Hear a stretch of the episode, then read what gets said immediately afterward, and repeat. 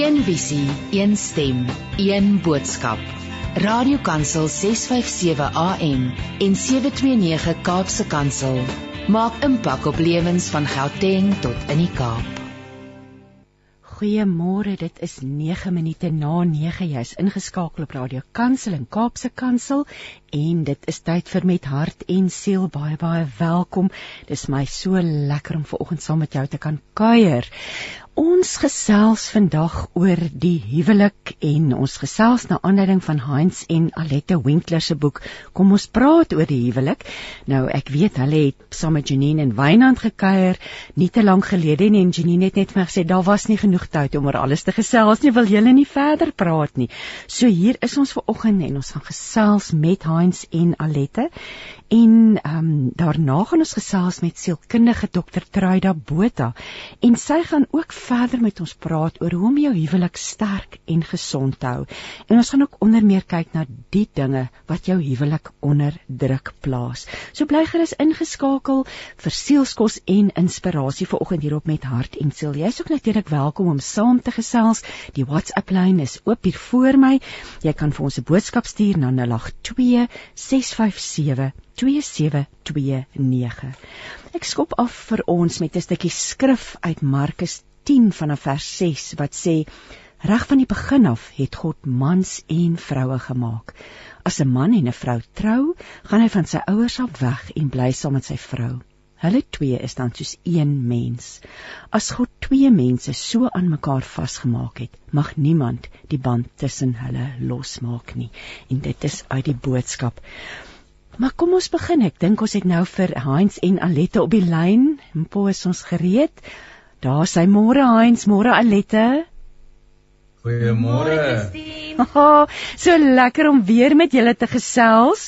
Um ons het verlede week gesels en ek wil sommer nou al noem dat vanaand op Netwerk 24 gaan daar 'n uh, video onderhoud wees tussen my en en die twee skrywers van hierdie boek Heinz en Aletta Winkler. Kom ons praat oor die huwelik. Hoe gaan dit vandag met julle? Hoe lyk dinge daar in Somerset Wes?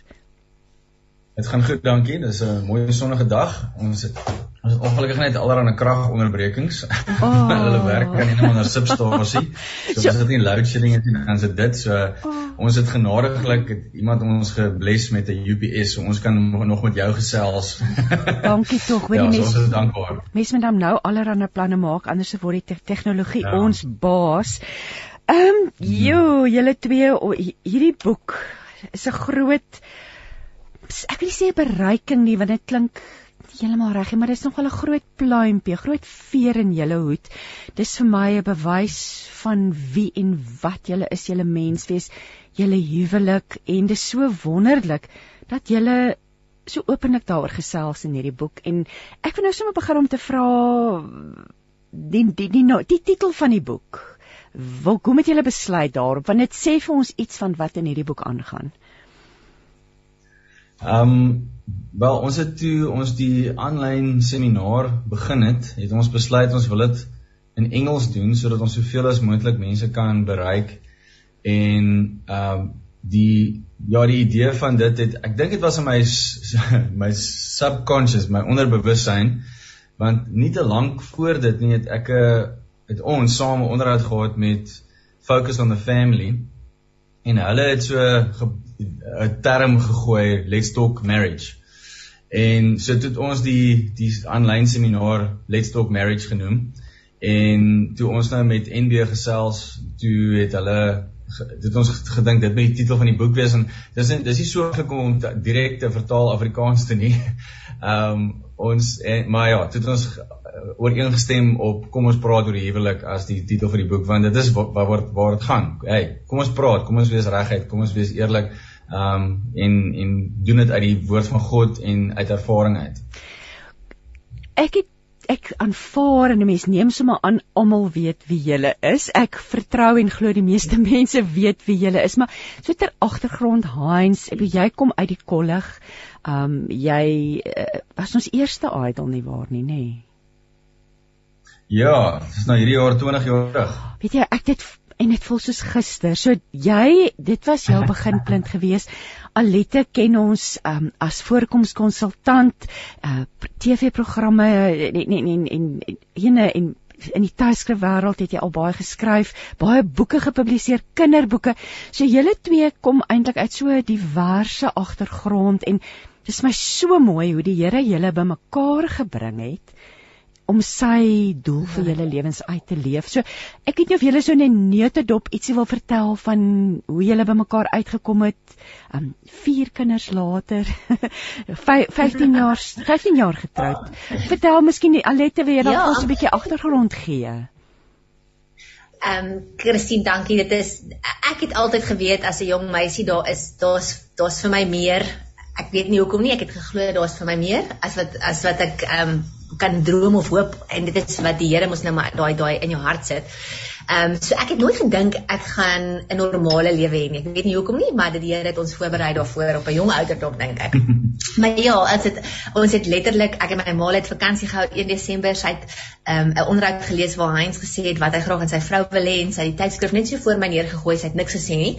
Ehm um, en ek het dit gelees en ek het geglimlag want ek kon myself absoluut daarin sien al die eienskappe wat hy wou gehad het. Het ek gedink ek ek besit of wat ek voldoen aan. Ja, ja. Ehm um, en maar ek, ek het geglimlag en gedink wat is die kans dis Heinz Winkler hy's bekend ek is nie wat ook al ek het amper die gedagte so half geonderdruk alhoewel daar 'n saadjie in my gees geplant is en letterlik 3 weke later toe is ek um uitgenooi na Joe Niemand se huis toe om te gaan 30 seconds speel en ek is baie lief vir vir board games en kompetisie so ek het ingestem en later die aand het Heinz aangekom van 'n uh, van 'n show af. So dit was heel laat. Toe lei die klokkie toe sê Joe se niggie is stel. Dis oor 'n seker Heinz. En ek het gedink iemand slaan my in my maag want wat is die kans dat iemand anders se naam Heinz is?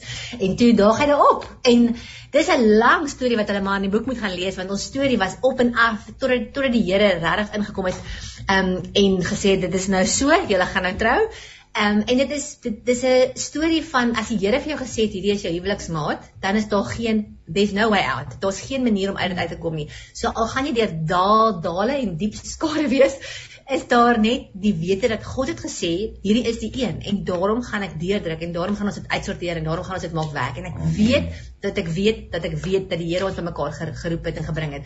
En ons het net gister of, of onlangs of vanoggend op Erns was het ons weer vir mekaar gesê ek is so bly ek is met jou getroud.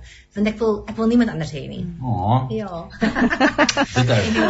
ek Heinz, jy's as ek dit reg verstaan, deesdae amper voltyds in die bediening.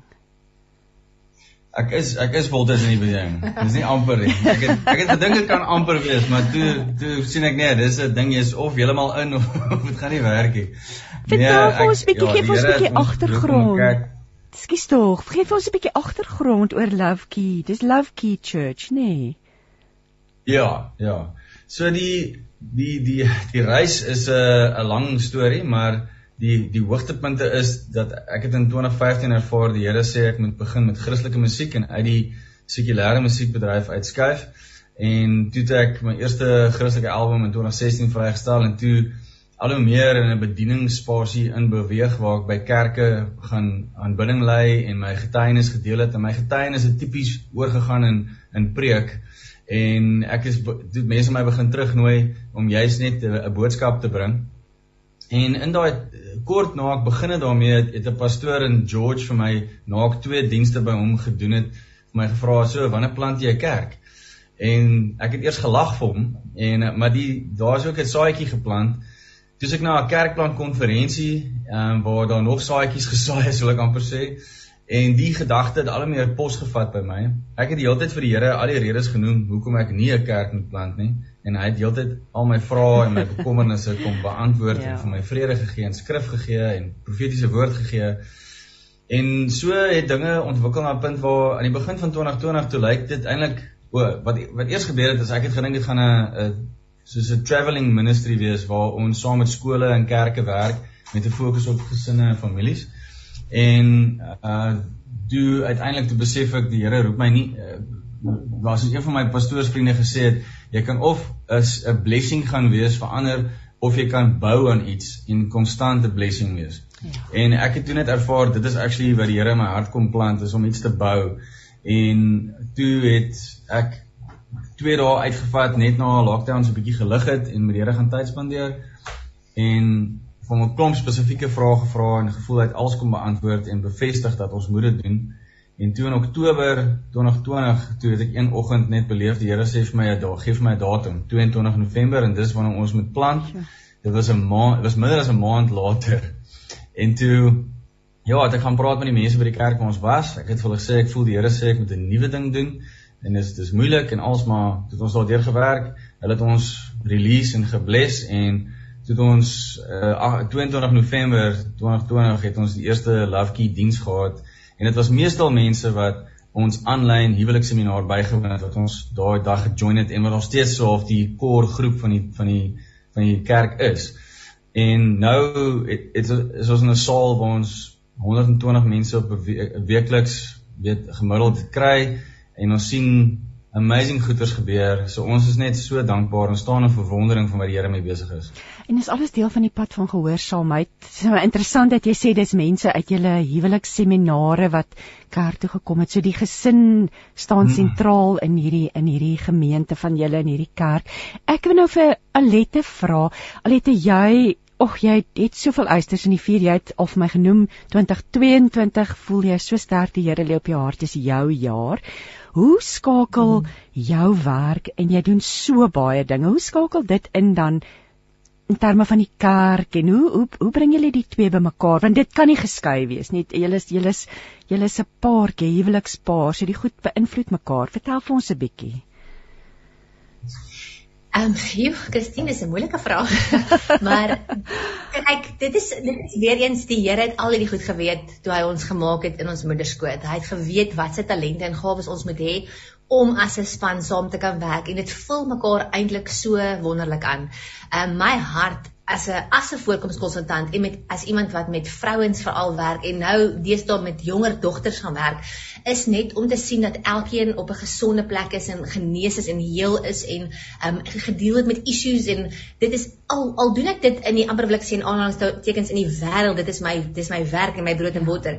Is dit my selle hart vir die kerk. Ek wil sien dat mense genees word en heel word en en by die Here uitkom. So of dit nou by die werk en of dit by die kerk is, dit is dit is nie soos jy trek jou dansskoene aan en jou jou kerkskoene en jou werkskoene is dieselfde paar skoene wat ek dra vir vir al drie. Ehm um, my hart bly dieselfde om om daai daai familieeenheid, die huwelike genees te sien, hmm. ehm um, om die die die eenheid te sien floreer. So dit is regtig nie daar's nie vir my amper 'n skeiding tussen dit nie. Dit is asof jy letterlik gaan van die een dag in die volgende dag in en dan doen ons worship en dan gaan ons weer werk toe. Ons ons kantoorspasie is 'n plek van worship. Ons gebruik maandagooggende om, om eerste ding van die week ons soek net die Here se aangesig. Wat wil wat gaan hierdie week gebeur in ons in ons lewe, in die besighede.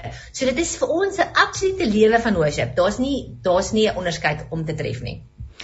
Jo, ek ek wil wat vir my so belangrik is en ons ons wil terugkom na die huwelik toe, maar selfbeeld. Vroue se selfbeeld, hmm. man se selfbeeld in hierdie afbe 2 jaar alles het so verander. Ons werk van die huis af, ons trek doen nie meer moeite om regtig mooi aan te trek nie. Dis jy weet en dit loop alles so hand in hand want binne die huwelik ek ek dink aan Hooglied hoe die woord vir ons leer oor eintlik die skoonheid van die vrou, die rol van die man. Dis dis dis ook 'n beeld van ons verhouding met Jesus Christus. So dis belangrike werk wat jy op 'n ander vlak doen wil ek amper sê nê om seker te maak die huwelik bly sterk. As mens nou na julle boek kyk, daar's geen twyfel daaroor dat Christus die fondament is van julle huwelik nie en dit is ook die boodskap wat julle oordra deur hierdie boek. Um kom ons praat 'n bietjie oor oor wat behoort getroude pare te weet. Hoekom is dit so noodsaaklik dat Jesus die fondament moet wees as jy wil hê jou huwelik moet gesond en gelukkig wees? Ek dink die belangrike ding daar is dat mense moet net terugkom by die besef en die amper soos 'n openbaring voel dit vir my moet gebeur dat die huwelik in sy oorspronklike ontwerp is deur God ingestel. Hmm. En omdat God ons geskaap het en omdat hy die huwelik ingestel het, is hy die een wat uiteraard weet hoe dit moet werk. Hy weet die beste en hy weet wat's reg. So om dit op enige ander manier te doen of om enige ander bron te raadpleeg as die woord van God dan is jy eintlik tegnies nie besig met die huwelik nie. Jy's besig met iets anders. Ja. Dis soos om weet die die eerste twee gebooie van die 10 gebooie sê vir ons you will have no other god before me hmm. and you will make no carved image and worship that. En baie keer kan 'n mens selfs God homself, jy dink jy aanbid God, maar jy het 'n prentjie van hom geskep wat jou pas. Ja. Dan het jy in essensie 'n afgod geskep. En dis wat baie keer gebeur veral in in tradisionele kerkomgewings en wat ek in my eie lewe ook baie gesien het is ek ons is kulturele Christene baie keer waar ons ons skep 'n idee van God wat ons pas dan werk ons om in by ons kultuur en dan aanbid ons eintlik ons kultuur. Hmm. En en en die idee van die huwelik is vir my val saam met dit. En oor die jare het mense toegelaat dat God se oorspronklike idee van die huwelik bietjie wegskaaf, bietjie compromise, bietjie ag dis nie so erg nie. Jy kan maar doen en ag ja, jy kan maar daai doen en en eh, dit en nou sit ons met 'n plek waar die huwelik in die kerk lyk basies dieselfde as die huwelik in die wêreld. Hmm. En nie een van daai twee lyk eintlik soos wat die woord van God sê nie. So ons het regtig 'n hart om net vir mense te help onthou of dalk vir die eerste keer besef wat is die God se oorspronklike plan en doel met die huwelik sodat ons wat ons self Christene noem, regtig ons huwelike op dit kan skoei. Dit wat mense buite die kerk en wat nie die Here ken nie, kan 'n mens nie tegniese huwelik noem nie. Jy kan dit 'n kontrak noem. Jy kan dit jy kan sê dis 'n ooreenkoms tussen twee mense om saam te bly, maar dit is nie die huwelik nie. Die huwelik volgens God is 'n verbond en 'n verbond is geestelik, dit is emosioneel en dit is fisies en dit is vir ewig. En as 'n mens dit nie verstaan nie, dan gaan 'n klomp ander goed eintlik jy gaan jy dit ook nie verstaan nie. Kom ons praat 'n bietjie oor bagasie en en hoe dit ons kwesbaar maak. Maar jy sê in die boek God kan genees. Wat moet ons weet rondom dit? Ons kom almal met 'n stuk bagasie in ons huwelike in, um, maar God kan genees. Wat sê julle vir ons daaroor? Kyk, dit is onmoontlik. Ons gebruik altyd die voorbeeld as daar twee karre in Johannesburg um, op die N1 klim op pad na Kaapstad en die een is 'n skedonk van 'n ou Volla of 'n City Golf en die ander een is 'n Range Rover of 'n Evoque, ek weet nie wat 'n karre is, Grand karre nie. Gaan albei in die Kaap aankom, hopelik gaan die kleintjie ook aankom, maar met goggas op die venster.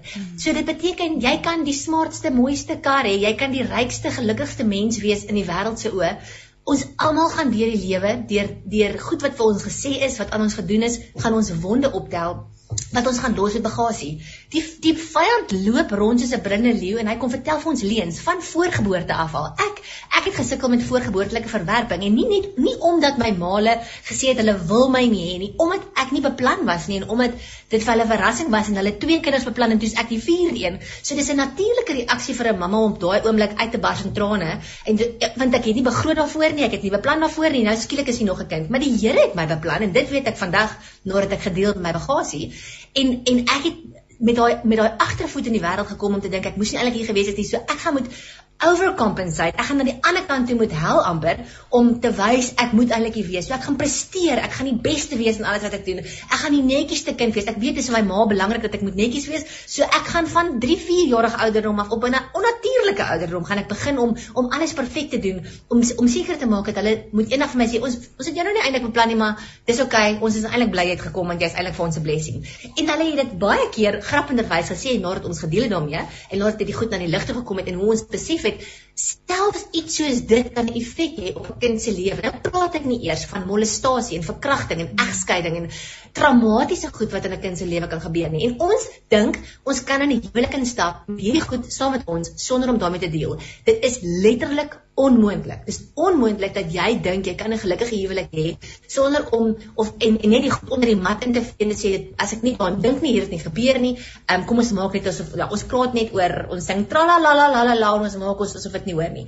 Dis onmoontlik want daai die vyand gaan aanhou om daai wonde kop te kom oopkrak. Iets wat jou man gaan sê of iets wat jou vrou gaan sê gaan 'n ding trigger wat jou gaan herinner aan hoe jou ma met jou gepraat het of wat ook al die geval mag wees. So dit is so uiters belangrik om wanneer jy voor hy kansel staan al te gegaan het vir 'n mate van berading waar jy kon deel met hierdie goed. Die, die Heilige Gees kan dit in sekondes vir jou uitsorteer. Dit kan vir party mense 'n pad wees, verseker, maar ek het al in my eie lewe ervaar en al voor my oë gesien hoe Jesus inkom vir jou vertel wat het eintlik in daai omstandighede gebeur en dit onmiddellik genees en jy is vry.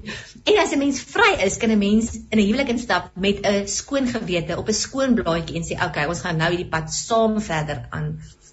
Want Jesus het klaar aan die kruis gesterf. Is vry. Ons ons ons weet dit. Dis my mooi in die boek ook dat jy jy gee huiswerk. Jy moedig die leser aan om te gaan huiswerk doen. Jy sluit gebede in. Um so jy jy vat regtig mense se hande om om tot op 'n punt van 'n beter huwelik te kom. So dit is ja. regtig bemoedigend. Het julle ek het julle dit geniet om hierdie boek te skryf? Ek weet julle bied die kursusse aan en dit was nie nuwe kennis vir julle nie, maar was dit lekker? Hoe en hoe dit gebeur? Hoe het julle die skryfwerk hanteer?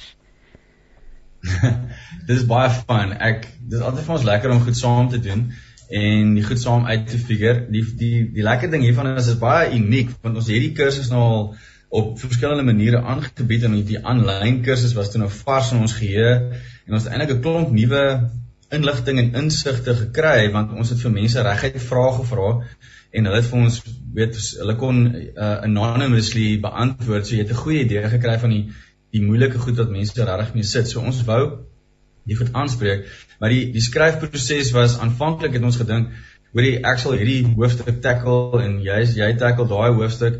En wat toe al spontaan gebeur het is dat ons elkeen wou toe nog ietsie bylas hier en nog ietsie bylas daar en so dan hoor jy nou my stem en dan hoor jy Aletta se stem en op die einde toe die toe dit eintlik mooi uitgewerk en die uitgewer het ook gedink dis eintlik goed want nou lees jy hierdie onderwerp aan die man se oogpunt en dan aan die vrou se oogpunt en en en ons wil baie keer na dieselfde situasie kyk en net verskillende perspektiewe bring en een van die lekkerste komplimente wat ons op die oomblik kry is dat mense geniet dit hulle geniet daai aspek van die boek dat dit so 'n bietjie anders is. Ehm um, so ja, dit was vir ons fun en en ons ons is so bly om te sien mense geniet dit. Ons het al by 'n paar mense gehoor hulle kan dit nie neersit nie, so dis goed om te hoor. en is so oulik die ikoon van 'n anker wat dan oral in die boek verskyn waar jy praat in 'n hartjie vir Alette. So dit dit het baie mooi gedink daaroor. Kom ons kom ons praat oor kommunikasie want dit voel vir my is eintlik een van die plekke waar ons die meeste faal in ons huwelik deur nie reg te kommunikeer nie. Wat wil julle in hierdie boek vir mense leer oor kommunikasie binne die huwelik? Wel daar's 'n daar's 'n rede hoekom ons dit bou van 'n plek van die, die fondasie en dan bagasie want ons is oortuig en ons kan sien dit ons eie lewe en uit ander mense se lewens dat as jy regtig wedergebore is, En as jy regtig 'n pad begin stap het ten minste of al 'n pad gestap het met van jou bagasie ontslaa raak, wat gebeur as die kommunikasiekanale tussen jou en jou gade gaan dan oop op 'n gesonde manier. So en dan is daar nou praktiese goed wat ons in die boek bespreek oor oor oor die goed wat jy ook in gedagte moet hou as die tipe huis waarin jy groot geword het dit kan deel wees van jou bagasie of dit kan net wees dat jy het hierdie omstandighede gehad en dit was totaal anders as jou gade se se huissituasie. So byvoorbeeld in die in die geval van my en Alette, my ouers en haar ouers het konflik totaal en al verskillend hanteer. Mm. En daar en dit het gemaak dat um, ons toe ons die, ons eerste konflik beleef het in ons huwelik, Ja, ons praat van die honeymoon fase, wanneer die honeymoon fase nou begin afsak en jy en dit en dit raak reël, dan uh dan het jy hierdie oomblikke waar jy begin agterkom, shucks, maar sy's nou nie meer so vriendelik en nice en verlief soos wat sy was gister nie. En uh en en toe ons die eerste keer toe ek sien daar's fout en ek vra wat wat's fout? En toe kan sy nie vir my sê nie maar ek weet daar's iets fout. En mm. ek is iemand wat dit nou wil uitsorteer dadelik op die tafel sit come on let's deal with it and move on. En dan lette was net soos nee ek het spasie nodig ek moet dit verwerk. Um, want ek het ja. in 'n huis groot geword waar my ma stilstype gekry het. En ek het nie so ek het nie die woordeskat geleer om om dadelik te kan kommunikeer hoe ek voel nie. Dit het letterlik vir my gevoel asof asof iemand my my keel toedruk, asof hulle my wurg en ek kan nie met Heinz praat nie en hy het ervaar ek disrespekteer hom. Ek jy het nie respek vir my nie. Hoekom kan jy nie vir my sê wat's fout nie? En want hy het gedink ek ignoreer hom, like ek rol my oë en ek loop weg en dit is net soos glad nie wat gebeur het nie. En ons moes daardeur werk. Ons moes hmm. groei. Ons moes by die Here uitkom en sê Here, ons kan nie ons huwelik so bou nie. Ons kan nie elke keer so aangaan nie want dit is ongemaklik. Die hele atmosfeer in die huis is ongemaklik maklik. Dit is vir almal nie lekker of dit is vir niemand lekker nie eerder. Um, en en kommunikasie is absoluut uh belangrik. Dit's vital is die woord wat ek wil wil sê in Engels. Um, en ja, soos Heinz reg sê dat dat jy as jy nie met jou bagasie gedeel het nie, gaan daar definitief issues met kommunikasie kan voorkom. En dan praat ons oor love languages en verskillende persoonlikhede wat mm. heerlikheid. Ons het later ons huwelik eers hierdie goed gehoor en ons ja. dink, "Ag, maar hoor jy moet eintlik hierdie toetse doen voordat jy trou, sodat jy regtig kan weet gaan ons oor die weg kan kom net op 'n persoonlikheidsvlak." Maar dis om in party is mekaar verkeerd op. En dit is so interessant, ons kies altyd iemand wat amper die teenoorgestelde van ons is alhoewel julle al gesê het julle is redelik na aan mekaar. Maar kom ons praat 'n bietjie oor hierdie verskillende persoonlikheidstyle want dit het 'n geweldige impak. As jy nie jou maat verstaan nie, gaan jy foute maak en hom verkeerd opvryf of hoe dit hoe dit ook al sê, jy weet. Um, vertel vir ons 'n bietjie meer oor wat jy vir ons in die boek daaroor leer. Ek dink die eerste stap wat 'n mens in gedagte moet hou is is dat wat ons ook probeer oordra vir mense is dat die die wêreld se idee van liefde is heeltemal anders as God se idee van liefde. Ja. En ware liefde uh is weet onvoorwaardelik, dit is diensbaar en dit dit is opofferend. En as jy regtig vir jou maat lief is, dan is, is sal jy wil uitvind wat is my maat se persoonlikheidstipe? Wat is my maat se se se love language? Want as ek as ek nie regtig lief is vir iemand nie en ek wil net aangaan soos ek aangaan, dan gaan ek nie die moeite wil doen om daai goed uit te vind nie. So ons ons wil mense aanmoedig jy, as jy regtig lief is vir die persoon en jy wil regtig liefgehê word, dan is dit belangrik vir albei om te verstaan wat is ons persoonlikheidstipes, wat is ons liefdestale en dit is nie die be all and end all nie. Dit is soos ek sê, daar's daar's goeders allerlei goed wat 'n rol speel, maar dit is so stukke gereedskap wat as jy dit het, dan jy dit Ehm um, dis soos 'n 'n skill set wat jy in jou huwelik inbring. En jy weet jy, hoorie, ek wil nou ek wil nie ek wil nie hierdie tipe vraag op hierdie oomblik op op so 'n manier vir my huweliksmaat vra nie, want ek moet ek moet dan weet die reaksie gaan nie positief wees nie, want hulle ervaar druk of dinge op 'n sekere manier of as hulle nou besig is met 'n taak, kan ek nie hulle dadelik uit dit uitruk en na 'n ander taak toe nie, want hulle moet eers klaar maak of wat ook al dit mag wees. Hmm. Ehm um, jy weet 'n ekstrovert kan nie verwag van 'n introwert om 'n ekstrovert te wees nie hmm. en vice versa. So dis dis daai tipe goed en as jy dit verstaan en jy's regtig lief, dan sal jy opofferend optree ja. en sê, "Wel, ek het jou onvoorwaardelik lief, so ek gaan nie laat jy jou persoonlikheid verander om my te please nie." Hmm. Maar waarom mense dan nou weer belangrik moet uh, in ag neem is dat wanneer 'n uh, 'n persoon sekere neigings het wat tog nie opbouend is tot die verhouding nie, dan moet 'n mens net seker maak dit is dit daar wanneer ons 'n verskil tussen 'n persoonlikheidstipe en iemand wat sit met 'n stuk bagasie. Hmm. so dit kan bagasie wees wat maak dat iemand op 'n sekere manier optree. So dis ook om daai wysheid te hê en, en hoorie ja, ek ek is dalk so, maar is dit so want dit is my persoonlikheid of is ek so want ek sit eintlik nog met 'n seer? En dit kom baie keer uit in kommunikasie met weet 'n woord, 'n woord trigger iets. Hmm. Iemand het groot geword in 'n huis waar Hulle pa was sê net maar verbally abusive en hy het 'n woord op 'n sekere manier gebruik en nou sê die jou jou man of jou vrou daai woord en dit bring al daai mhm. herinneringe terug en jy vlam op en jou jou partner is so wat het nou net gebeur want dit is hoe ek daai woord verstaan. Hmm. En dis die tipe goed wat 'n mens ook in gedagte moet hou.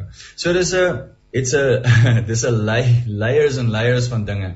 Maar die vraag is hoe lief is jy vir jou maat? Sal jy die moeite doen en dan kan julle saam met die goed uitfigure. Dis harde werk nie en 'n mens moet bereid wees om dit in te sit. Dit kan wees, dit kan wees. Dit is harde werk, dit is. Weet jy, want mens groei en ontwikkel met elke ouderdomsfase kom daar nuwe uitdagings en hmm, so mens moet in die heeltyd konstant bewus wees daarvan dat en is so mooi wat jy op die agterplaas staan daar in God is daar hoop vir 'n fantastiese huwelik ongeag die plek in jou lewe waar jy is, mense wat dalk nou luister en en en dink, "Ja, my huwelik is in die moeilikheid." Watse raad het jy vir so iemand? Gaan soek hulp seker in die eerste plek, nê? Nee. Lees die boek. Uh, nee, ek ek dink die kyk dit hang af wat se tipe moeilikheid, né? So die die daar's verskillende forme van moeilikheid. Die die jy het in die begin daai skrif gelees wat sê wat wat ook al God bymekaar gevoeg het dat niemand dit skei nie. Mm. Ek dink die hartseer saak is dat baie mense het self besluit om te trou en mm. God nooit in die saak geken nie. Mm. Soos God het hulle dalk nooit bymekaar gesit nie. Dan het jy 'n baie moeilike situasie. Maar as jy weet God het jou bymekaar gesit en jy en jy gaan deur moeilike dinge, dan is die vraag wat is die moeilike dinge? Mm. Is dit nie iets wat jy moet aanspreek deur te gaan? Okay is ons albei se saak is se saak met die Here reg nie. Is ons albei in 'n proses om met ons bagasie te deel. Uh en het ons gekyk na persoonlikheidstipes en love languages en al die dinge. Nou, die, die moeilike deel is baie keer waar een party in die huwelik wil nie dit doen nie, maar een wil. Mm. Dit is wanneer dit baie moeilik raak. So ek weet van baie vrouens wat trou met 'n man, die vrou ken die Here, sy's lief vir die Here, die man ken nie die Here nie of hy is maar net 'n kulturele Christen en sy sê soos nee, ek gaan die man na die Here toe lei, dis hoekom ek met hom trou.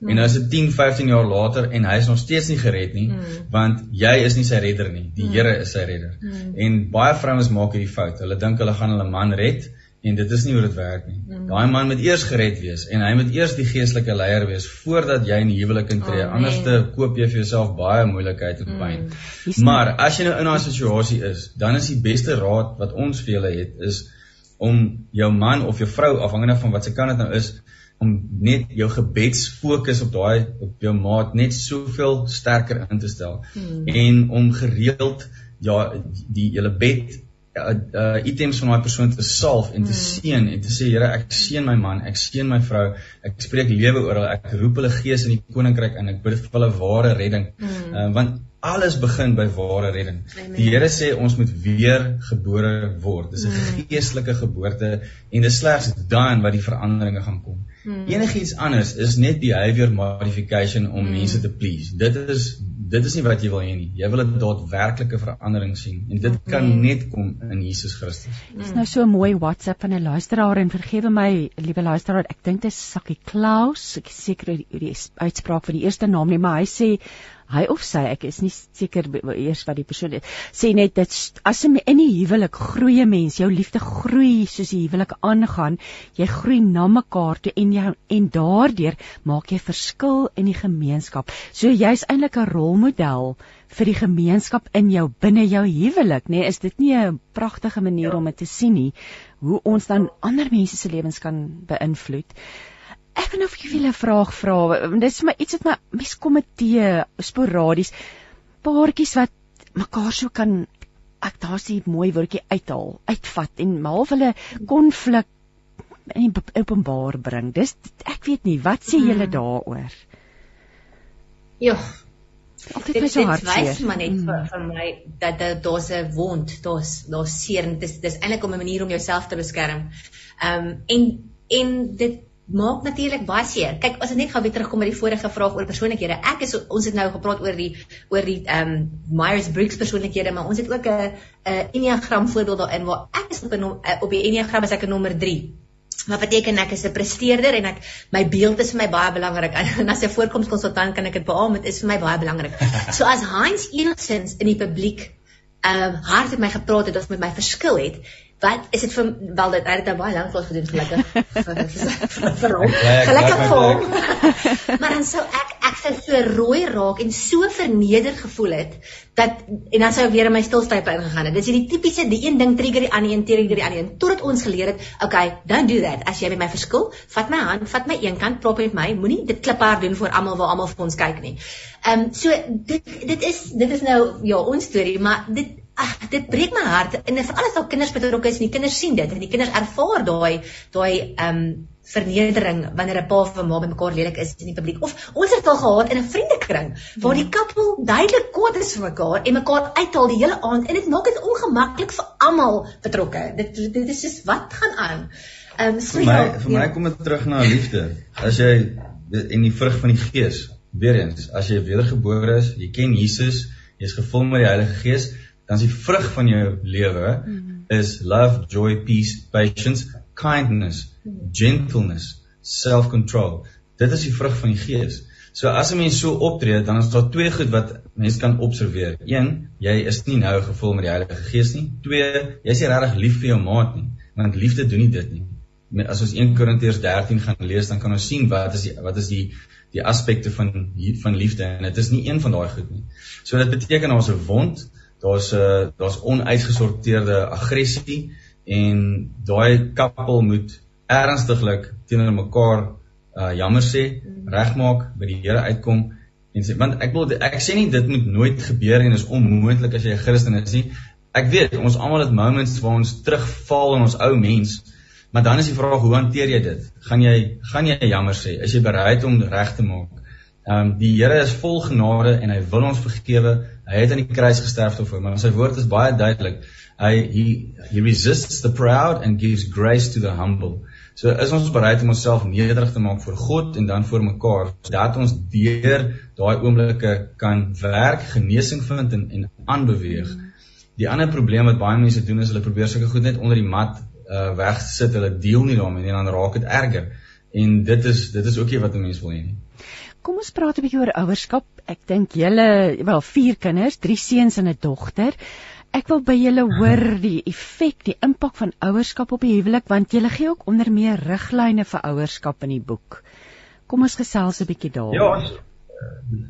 Ja, dis vir ons baie belangrik dat mense verstaan wat die wat die orde van die huis is volgens God. En dan as 'n mens dit verstaan, dan glo ek kan jy 'n gesonde, lekker huisomgewing skep. En een van die belangrikste goeders is vir kinders om te weet, my mamma en my pappa is lief vir mekaar en hulle gaan nooit van mekaar af weggaan nie. Hmm. As die kinders dit weet, dan is daar 'n 'n 'n sens van veiligheid by hulle wat wat hulle soveel sekuriteit gee en beskerming bied. En dit is ek dink een van die belangrikste goed wat 'n huwelik veronderstel is om te doen is om kinders 'n veilige hawe te gee. En as kinders elke dag wonder of my ma hulle enige oomblik gaan skei, dan is hulle in 'n verskriklike onseker omgewing. Hmm. En eh, wat vir my, kyk, kinders te hê is harde werk. Jy het gedink huweliks harde werk, ouerskap is maak alles net meer en moeiliker, maar dis obviously ook baie vervullend en ons love dit. Ons is mal oor ons kinders. Ons het voor ons bymekaar was het die Here vir my belofte gegee van drie seuns en 'n dogter. En dit is so amazing om hierdie belofte te kan sien in ons lewens en dit te kan uitleef saam met hulle. En dit is daar's daar wat moeilik is. Daar's ons hulle persoonlikhede en hulle het wille en wie gaan uitfigure. Maar hulle weet dat hulle weet, mamma en pappa is lief vir mekaar. Hulle weet dat hulle weet daar's geen opsie van ons om ooit uitmekaar te gaan nie. Dis baie erg vir ons as hulle by die huis kom en sê, weet maatjie by die skool se ouers is nou besig om te skei. En jy kan sien selfs dit het 'n effek op hulle. Hmm. En so en dan binne daai onderwerp wil ek net noem, ek voel ek moet dit noem, moet asseblief nooit dink dat as jou huwelik deur 'n moeilike tyd gaan reeds, dat die antwoord is om kinders te kry want dit gaan jy bymekaar hou nie.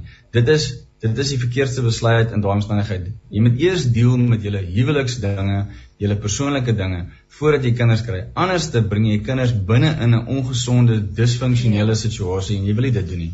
So, ek het net gevoel ek moet dit vir iemand sê wat luister nou. Alette, wil jy ietsie byvoeg of kan ons aanbeweeg na intimiteit en die rol van intimiteit in die huwelik? Ja, Ja, kyk ek dink ek dink wat uh, ons het baie waarhede in die boek oor ouerskap, net oor um, fundamentele goed soos spreek lewe. Um moenie vir jou kind sê jy is stout nie. Sê eerder wat jy gedoen het is stout en dit is nie wie jy is nie. So ons moet identiteit in ons kinders se ja, lewe sit. Um en dit is die pa, die pa se rol vir alles om my identiteit in te sit. Die ma is weer die nurturer. Maar ja, die druk op 'n huwelik is ongelooflik sodra daar kinders kom, veral in die in die jong fase wanneer hulle babatjies is en jy nik, niks slaap nie en dit is dis baie baie moeilik. So dit is waar wat hy sê, maak seker jou huwelik is op 'n goeie plek. Die Here sê vir jou, okay, let's let's do this, let's have children.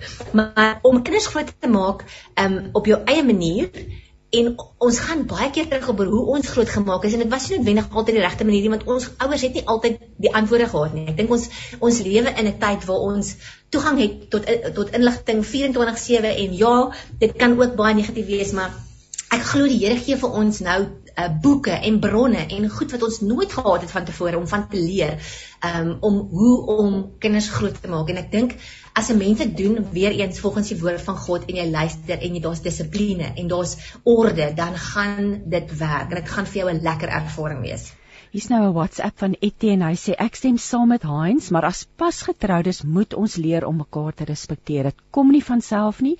Hy sê ek het self daarmee as wedergebore Christen gesukkel, maar nou na 29 getroude jare is ons huwelik 'n fees. So daai respek ding eh, is, is eintlik belangrik ook in terme van die gesin, nê? die voorbeeld wat ons wys vir ons kinders om respekvol teenoor mekaar op te tree. Maar jy's reg Aletta, die orde. 'n Vraag oor ons ons oor intimiteit, die belangrikheid en en wat wat sê julle daaroor vir ons in julle boek? Dis lekker. Ehm, um, so intimiteit is God se se plan en sy droom en sy sy hy het dit uitgedink en en ek dink wat ons moet weet is ons klink soos 'n grammofoonplaat, maar wanneer jy dit doen soos God dit beplan het, gaan dit amazing wees en werk en is veilig. Um Heinz het Sondag so ongelooflik kragtadig gepreek by die kerk want ons het die boek um, vrygestel en dit die die preek het gegaan oor huwelik. Oor net hoeveel skrifte daar is wat sê dat 'n man en 'n vrou is nie veronderstel om saam te slaap voordat hulle getroud is nie.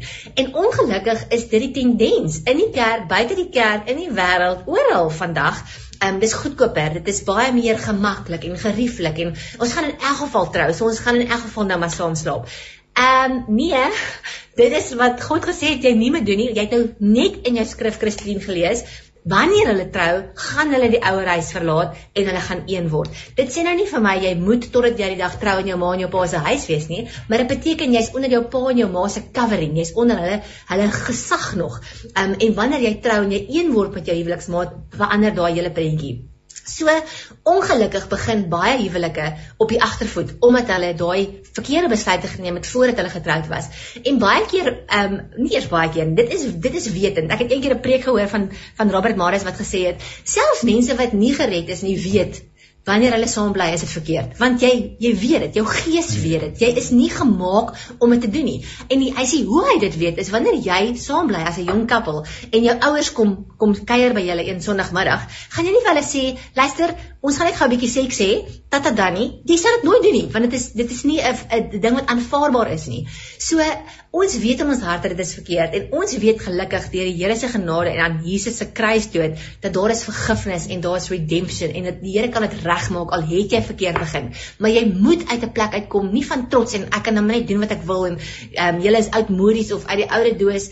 Ek jammer dieselfde reëls wat gegeld het in die Bybelse tyd geld vandag want Jesus is dieselfde gister vandag en môre. Dit gaan nie verander nie. Hy's nie 'n God dat hy sal lieg nie. Sy woord bly die waarheid. En as hy woord gesê het dis hoe jy dit moet doen dan gaan dit werk dan is dit die waarheid.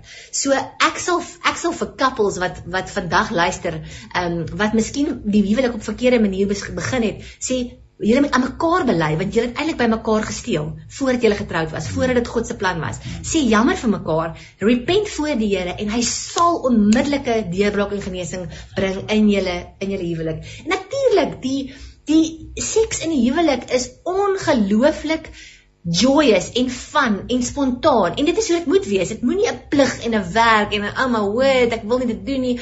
Dit daar moet 'n element van absolute ehm um, fun wees daarin. Dit is nie dit is nie 'n taak wat jy net 'n 'n tikmerkie kan sit en sê okay, ek het nou my dit daar gedoen en nou kan ek aanbeweeg nie. Kyk, ons maak ons van wie sê ek ek is jammer, ek wil net hierdie bylas.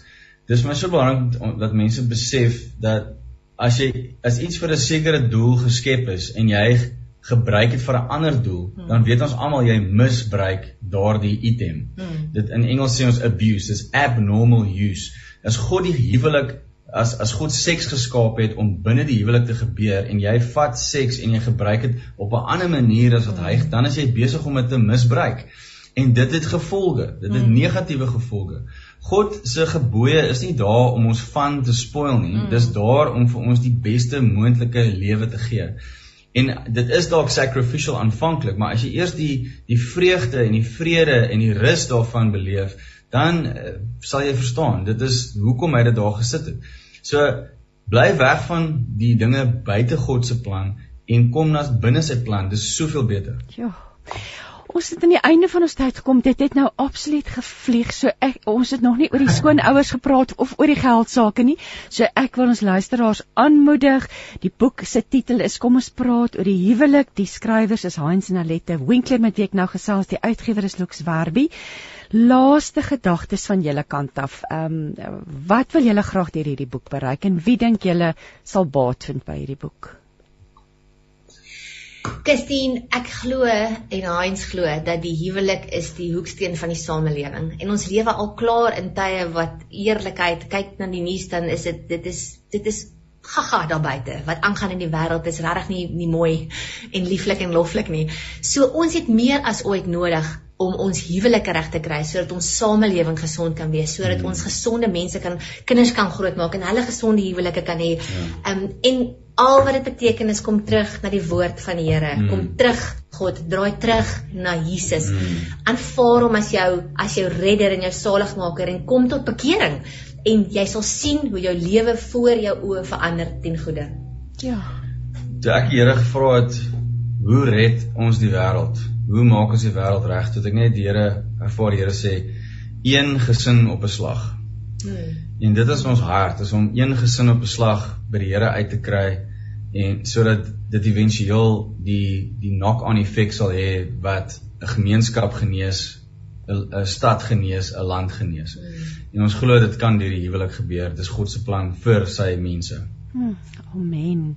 Ek wil vir julle soveel seën toewens op hierdie boek en op julle pad vorentoe en mag julle nog duisende der duisende lewens aanraak en Ja, dankie dat julle julle harte met ons gedeel het en dat julle ons nooi en aanmoedig om te praat oor die huwelik en soos jy sê, ja, eens een een gesin op 'n slag. Ag, sommer net alles wat mooi is vir julle en ek ek waardeer regtig julle tyd vanoggend. Ek wil net weer herhaal die titel van die boek, kom ons praat oor die huwelik. Ek het nou gesels met Heinz en Alette Winkler, die skrywers, en die boek word uitgegee deur Lux Werby. Seën vir die res van julle dag en nogmals dankie vir julle tyd vanoggend. Dankie Christie, baie blessings vir julle ook. Dankie vir julle tyd en die platform. Ons waardeer dit so baie. Baie seën vir almal. Lekker dag. Geen rompslomp, geen tierlantjies. Dis net klanke van die lewe op 657 Radio Kansel en 729 Kaapse Kansel. En jy luister met hart en siel ons gesels oor die huwelik. Um en nou is Dr. Traida Botha saam met ons hier in die in die ateljee. Ek wil sommer net sê ook ek het gehoor die advertensie van Leef, jy kan gerus gaan kyk. Uh, um, hulle daar is 'n foto van die omslag van die voorblad op op Facebook. Dis so lekker om dit ook te sien hier vanuit die Radio Kansel ateljee. Ons het uh ons gaan sommer afskop met 'n uh, 'n stemboodskap van Anna en ek dink ons vat dit van daar af. Ek sit en luister nou na hierdie program oor die huwelik. Maar ek het 'n vraag om te vra. Ek weet God haat egskeiding. My eerste huwelik het nie gewerk nie, my man het my geskei. Maar my seun het 'n vrou getrou wat hom byt. Hom slaan om krap. Ek ons het daar sal my seun het daar gevat na uh een of ander hospitaal toe dat hulle moet uh, sy uh, kyk wat gaan aan en al daai En ehm um, 'n mens kan nie maklik met haar praat nie. Sy uh sy raak baie vinnig kwaad. En ehm um, die feit van die saak is ehm um, hy wil nie meer getroud wees met haar nie vanweë die feit dat hy uh, kyk dit is dit is nou iets anders. Dit is nie nou 'n man wat 'n vrou slaan nie. Dit is nou 'n vrou wat 'n man slaan en hy moet so versigtig wees wat hy sê. En op grond van die feit dat hy ehm um, aangerand word. Hy het as 'n baie groot ou maar hy nog nooit eintlik hy het nog nooit so nee nie eintlik nie. Maar ek sien hom hy was nou moeg hy bly op die oomblik by sy pa. So hulle is van tafel en bed geskei. Maar sy manipuleer hom verskriklik en die ding is um maatskaplike werker wat ek baie lank ken is besig om te probeer um, net vir hom te help dat hy kan skei van haar um, van baie die aanranding en so aan. Hy het baie seer gekry, sy het hom ek dink as ek reg praat, te plank geslaan agter sy skouer en um hulle het 'n MRI scan gedoen en gesien dat hy baie seer gekry het. En mense in in hierdie geval wil ek weet so so sê dit is beter om te skei want dis wat ek dink. My persoonlike opinie is dat um uh hy hy sal nooit weet of hy of of hy môre wakker word langs aan nie regtig. Sjoetreda. Ons val hier met die met die huis in die deur met 'n moeilike vraag, maar weet jy dit is ook belangrik. Dit is belangrik dat ons binne is ook die realiteit, nê? So Absoluut. Um, en ek dink dit is belangrik dat 'n mens nie hierdie hierdie goed onder 'n mat invee nie en dat ons mm. oop en eerlik daaroor gesels. Anna, baie dankie vir jou stemboodskap en ehm um, ek kan net dink as 'n ma hoe jou hart moet breek vir jou seun. Jy is 100% reg, die huwelik is deur God ingestel, maar die huwelik is ook nie deur God ingestel om gemanipuleer en seer gekry en mishandel te word nie. Um dit moet ons baie mooi besef. Wanneer daar persoonlike skade, emosionele skade, fisiese skade aan mekaar gedoen word, is daar definitief hulp nodig. Wat ek wel um admireer wat jy sê is dat jy dadelik die regte ding gedoen het om 'n maatskaplike werker in te roep en te kyk hoe mense sy situasie kan beveilig, sy lewe kan beveilig. Um wanneer mense fisiese lewe in in in gedrang is, is dit verskriklik belangrik om die regte stappe te neem en die Here verstaan dit. Ons is nie gemaak om in um huwelike te wees waar ons mekaar afbreek en verinne weer nie. Um veral ek weet nie of Anna of hier kinders betrokke is nie, maar as daar kinders betrokke is, dan gaan dit oor die veiligheid van die kinders ook. My hart gaan uit na albei partye toe want jou skoondogter dink ek is verwond en ehm um, het baie baie innerlike probleme waarmee sy 10 teen 1 in haar lewe nog glad nie glad nie ehm um, mee gedeel het nie verskoon die Engels.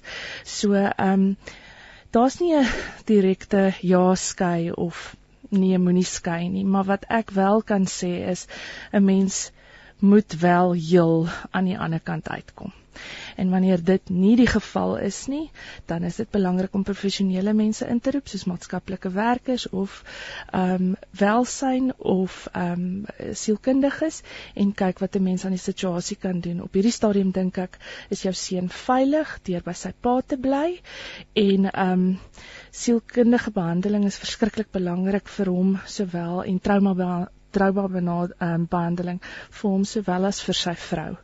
Um baie baie sterkte. Hierdie is ja, baie so, baie moeilik. So ek sê Tryde, ons val nou sommer hier met die deur in die huis. Um mm.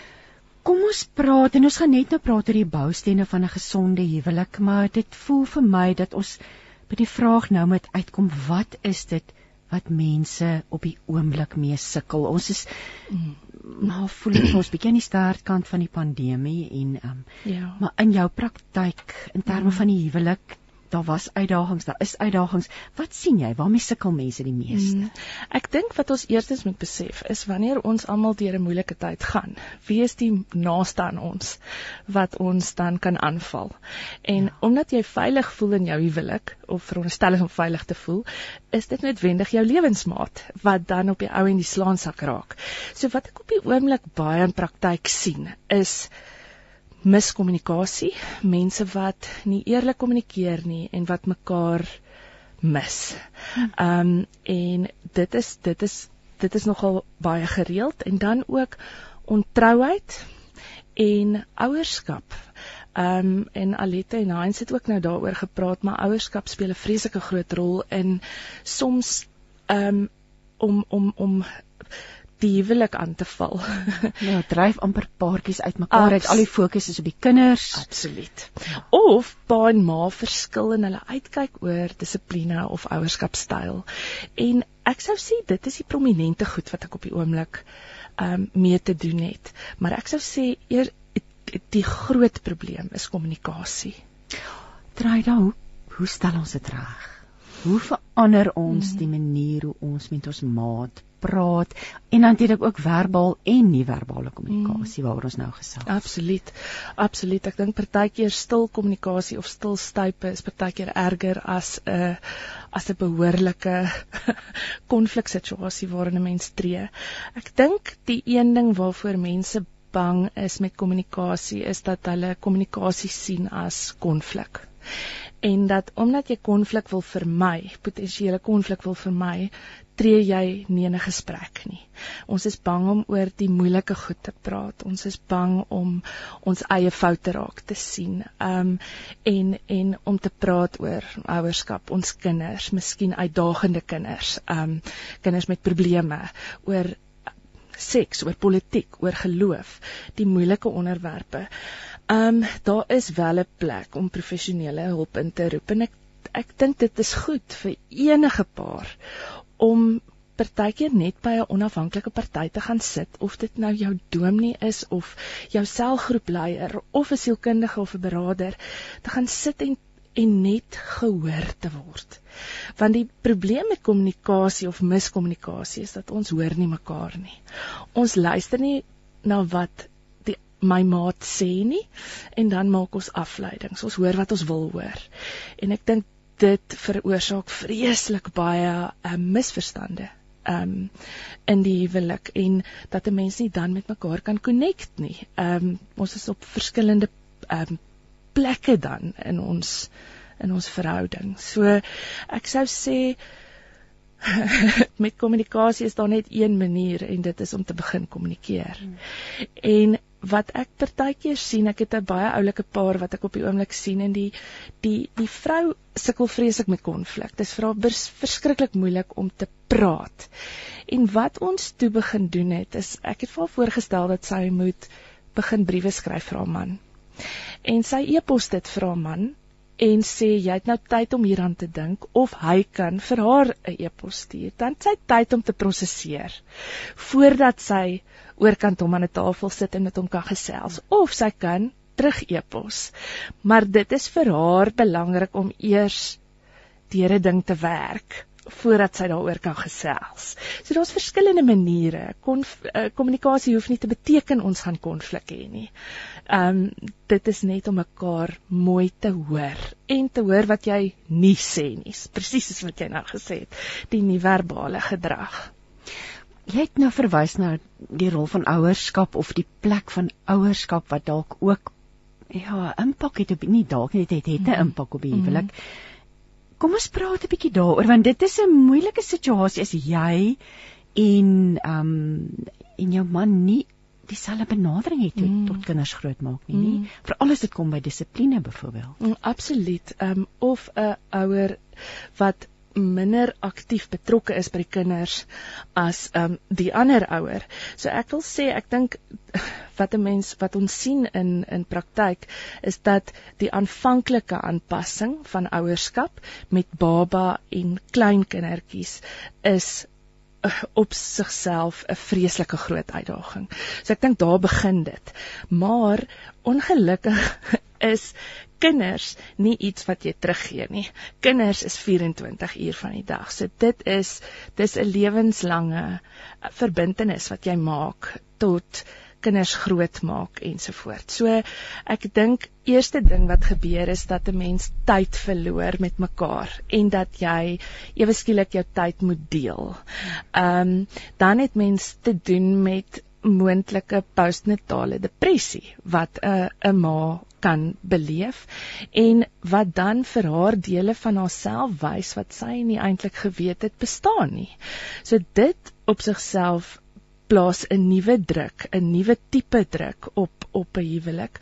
Um eersins vir die ma om te kan vrede maak met waar sy nou is en vir die man om hierdie deel van sy vrou te leer ken wat hy ook nie geweet het bestaan nie. Um en dan natuurlik moet ons besef nê, soos wat Heinz hulle ook gesê het, ons kinders kyk na ons. Hulle kyk na die huwelik. Ehm um, en dit is die eerste plek in die huis waar hulle leer van liefde, van emosies hanteer en van hoe dit lyk wanneer 'n pappa lief is vir sy vir vir mamma of en vice versa. So ons het 'n vreeslike groot verantwoordelikheid teenoor ons kinders om kommunikasiekanale oop te hou en om om te werk aan dinge wat moeilik is. Kinders moet konflik leer hanteer in die huis. As hulle nie sien hoe dit gesond gedoen word nie, weet hulle nie hoe om daarmee te deel wanneer hulle volwassenes self is en hulle in hulle eie verhoudings is nie. Um so ek dink wat baie baie belangrik is reeds vroeg wanneer jou kinders nog jonk is is om mooi te kyk hoe dit uitspeel want wat ons moet besef is daar's geen waarborg wanneer jy swanger is. Jy weet nie watter tipe babatjie gaan hê nie. Jy weet nie of die kind gaan siek wees nie. Ehm um, daar's geen waarborg of voorspelbaarheid nie. Maar sodra daar redelike voorspelbaarheid is en ehm um, sodat 'n mens besef dat ons uitkyk dieselfde is en dat ons waardes dieselfde bly en dat 'n mens die moeilike situasies dadelik aanspreek. Wat ek in praktyk sien is dat daar baie kere terugverwys word in detail na 'n datum 13 jaar gelede ja. wat jy een of ander iets gesê of gedoen. Die ou koeie uit die sloot. Ooh, ou koeie. Ons is lief vir ou koeie. en dan dan beteken dit ons het te doen met iemand wat lankal al 'n wrok dra en wat nog glad nie verder beweeg het as 13 jaar gelede nie. Ehm um, waar ek dink as 'n mens die moeilike moeilike ehm um, tema op die tafel sit en daaroor praat Dis moeilik op daai tydstip, maar dan kan ons aanbeweeg. Dit voel amper vir my ons ons daar's so soveel geleenthede vir huweliksvoorbereidingskursusse. Daar moet amper 'n kursus wees wat jou oh, voorberei op hierdie kind, die koms van die kinders in die huwelik. Mm, mm. Ag, hier's nou 'n hartseer ehm um, uh, boodskapie van Letty Kreer af. Ag, ek dink ons gereelde luisteraars ken almal vir Letty en Dries Kreer van Palaborwa. Letty het vir ons laat weet dat Dries op 24 Januarie oorlede is. Letty, ons innige meegevoel. Ag, ons dink aan jou en ek weet julle twee was vir baie baie jare getroud. So ons dink aan jou in hierdie moeilike tyd en ja, sterkte en seën vir jou tryd. Ek dink jy het ook al met Letty en Dries te doen gehad ja, oor die lig. Ja. Dit bring my nou sommer by nog 'n gedagte. Soos 'n mens ouer word, die hoe verander die huwelik en die uitdagings en ook die goeie goed en dan die verlies aan 'n maat na soveel jaar. Oh. Hoe hanteer 'n mens dit? Letty, eerstens my hart gaan uit vir jou in hierdie tyd. Um rou gaan oor liefde. En as ons rou, dan is dit vir ons 'n teken van hoe lief ons gehad het en hoe lief ons het. So baie sterkte vir julle en jou familie en vriende in hierdie moeilike tyd. Ek dink um volwasse verhoudings of ek noem dit nou volwasse verhoudings, maar die die die huwelike wat 30 plus jaar um lank al is is 10 teen 1 ook huwelike waar die kinders al die huis verlaat het um en afgestudeer het miskien getrou het. So dan het ons 'n leenes so dit op sigself verander mense huweliksdinamiek onbeskryflik baie. Party mense sukkel regtig daarmee dat dit vir hulle uiters traumaties is want die onderwerp waaroor die pa en ma gewoonlik sou praat is die kinders en die spil het gedraai rondom die kinders. En nou dat die kinders uit die huis uit is is dit baie kere maar waaroor praat ons nou met mekaar? Wat het ons in gemeen? Um dan kry 'n mens pragtige huwelike wat fokus op 'n ander tipe in intimiteit dat hulle op 'n laat stadium saam begin golf speel of rolbal en aan boekklubs begin behoort en ensovoorts en en ook moontlik trek uit hulle groot huis uit en na 'n kleiner plek toe trek en miskien in 'n omgewing wees van mense wat rondom hulle bly wat soortgelyke ouderdom is. Um maar da dit bring sy eie uitdagings. Um sieklike lewensmaats. Ehm um, kanker, ons het nou te doen ons het nog steeds te doen met COVID-19 waar baie mense lewensmaats verloor het. So dit is 'n dis baie uitdagend, dis baie moeilik. Veral wanneer 'n mens baie liefhet. Dit maak dit maak hartseer soveel meer. Ehm um, omdat 'n mens mekaar ek wil amper sê op 'n latere stadium in my in jou lewe dan dan reinvent jy jou huwelik. Mm. Jy moet hom herdefinieer en jy moet 'n nuwe tipe uitkyk ontwikkel op wat ons gaan doen en waarna ons voor vorentoe beweeg. En die laaste ding wat jy wil hê is om te sit aan die einde van jou dae en jy het niks meer te sê vir jou maat nie. So dit is eintlik vroeg in die huwelik al ah. daaraan begin werk. So dit bring my ons ons daar's nog ander probleme wat ons ook oor gaan gesels, maar ek wil nou eers 'n bietjie teruggaan na die boustene vir 'n gesonde huwelik, want mm. dis tog waarna ons almal streef, mm, gesonde en gelukkige huwelik. Mm. Soos die Here dit vir ons bepaal en beplan het. Mm. Maar wat is die boustene? Want dit verg werk, nê? Nee. Mm. Dit verg verg beslis baie baie werk. Ek sou sê die eerste bousteen is natuurlik liefde, want liefde beteken dat ek myself wil verbind aan jou. So beslis liefde. Ek sou sê um verbintenis, commitment, um vertroue, kommunikasie, um geloof, verseker, respek, um begrip ek dink baie geduld, Christine. um, al die al die vrugte van die gees, nee, eintlik van die gees. Absoluut en nederigheid. Ja. baie nederigheid, want ek dink baie probleme ehm um, kom van kom van af 'n plek van selfsug. As ek net my eie belange op my hart dra en ek en ek wil net my eie behoeftes aanvoorsien, dan is daar nie plek vir die maat ehm um, in hierdie verhouding nie. So ek dink ons hoef nie noodwendig 12 of 15 presiese boustene te te te noem nie. Maar volgens my en as 'n gelowige sou ek sê dat geloof 'n beslisse hoeksteen vorm en um ja, liefde en wederwysige respek. Ek wil graag met jou praat oor respek want dit hmm. voel vir my ons leef in 'n samelewing wat respek nie meer 'n noodwendig 'n mm. kernwaarde is nie mm. of is my waarneming verkeerd? Nee, ek dink jou waarneming is 100% korrek. Want ek dink ons leef in ons in 'n in 'n in 'n wêreld wat waardeloos begin raak. Mm. Waar enigiets is aanvaarbaar.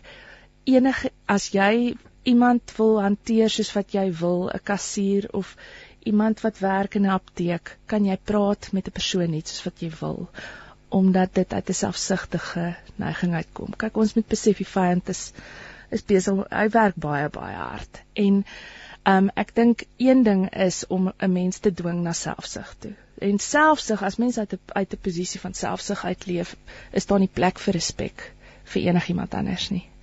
Um en ek dink respek is iets wat verdien word en dis iets wat 'n mens aan kan werk, maar ek dink ons moet doelbewus onsself instel om respek te hê vir die persoon na wie ons kyk. Um ek wil hier sê dat ons wanneer 'n mens huwelik intree, besef jy jy net soos wat jy nie perfek is nie, trou jy met iemand wat ook nie perfek is nie. So daar gaan oomblikke wees wat 'n mens jou hare uit jou kop uit wil trek en gaan kyk na jou lewensmaat en dink, "Wat het ek nou gedoen?" Maar as ons besluit dat ons verbind onsself volgens volgens God se idee van hoe 'n man en vrou na mekaar moet kyk, hmm. dan moet ons 'n spieël van respek vir mekaar wees. Ehm um, want en soos wat ek sê, ek ek wil dit nou sommer so sê, ons moet mekaar se grootste grootste grootste pompom girls cheerleaders wees. En as ons dit kan wees as vriende vir mekaar, dan het ons netwendig respek vir die persoon wat oorkant ons sit. En ek voel as jy respek het vir jou lewensmaat, het jy netwendig respek vir jouself. Ek ons kry so gereeld WhatsApps van mense wat sê my man praat so lelik met my, vloek en skel, mm. bid asseblief vir my. Uh, dit is iets wat nogal gereeld mm. voorkom, voel vir my baie keer week na week sien ja. mense hierdie hierdie tipe uh, mm. boodskappe wat deurkom. Wat hoe hanteer 'n mens dit? As jy in 'n huwelik staan, ons het nou gepraat oor die fisiese geweld net nou van Anna wat mm. vir ons die boodskapie gestuur het, maar mm. wat wat maak 'n mens? Hoe kan 'n mens jou man of jou vrou, dalk is dit die vrou, dis nie noodwendig altyd die man nie, maar in hierdie geval is dit 'n dame wat sal sê die man. Hmm. Hoe verander mense dit en hoe hanteer jy dit en hoe bly jy staande en glo in jouself en jy weet hmm. hoe hoe kry jy dit reg dat jy jy jouself nie totaal daardeur afgetakel word nie? Mm. Dis dis baie goeie vraag Christine en ek dink dit is 'n baie moeilike taak. Ehm um, want ons glo baie kere dit wat dit wat die maat van ons sê. En dit begin naderhand aan jou werklikheid en jou realiteit raak. Um die oomblik wanneer daardie verbale um mishandeling begin gebeur, dink ek is dit onbeskryflik belangrik om jou maat te laat besef dat die manier waarop hy of sy met jou praat is onaanvaarbaar. So jy mens moenie net stil bly nie, want die meeste mense is uit vrees van ons mm. gewoonlik aggressie daarbey betrokke natuurlik ja, ook. So ja. mens moenie stil bly nie. Nee, mens moenie stil bly nie, want dit beteken dan dat daar jy laat toe dat daar op jou getrap gaan word en dat jy ehm um, op tot so 'n mate onderdanig is dat jy eintlik die die die die vloer die vloerlap is.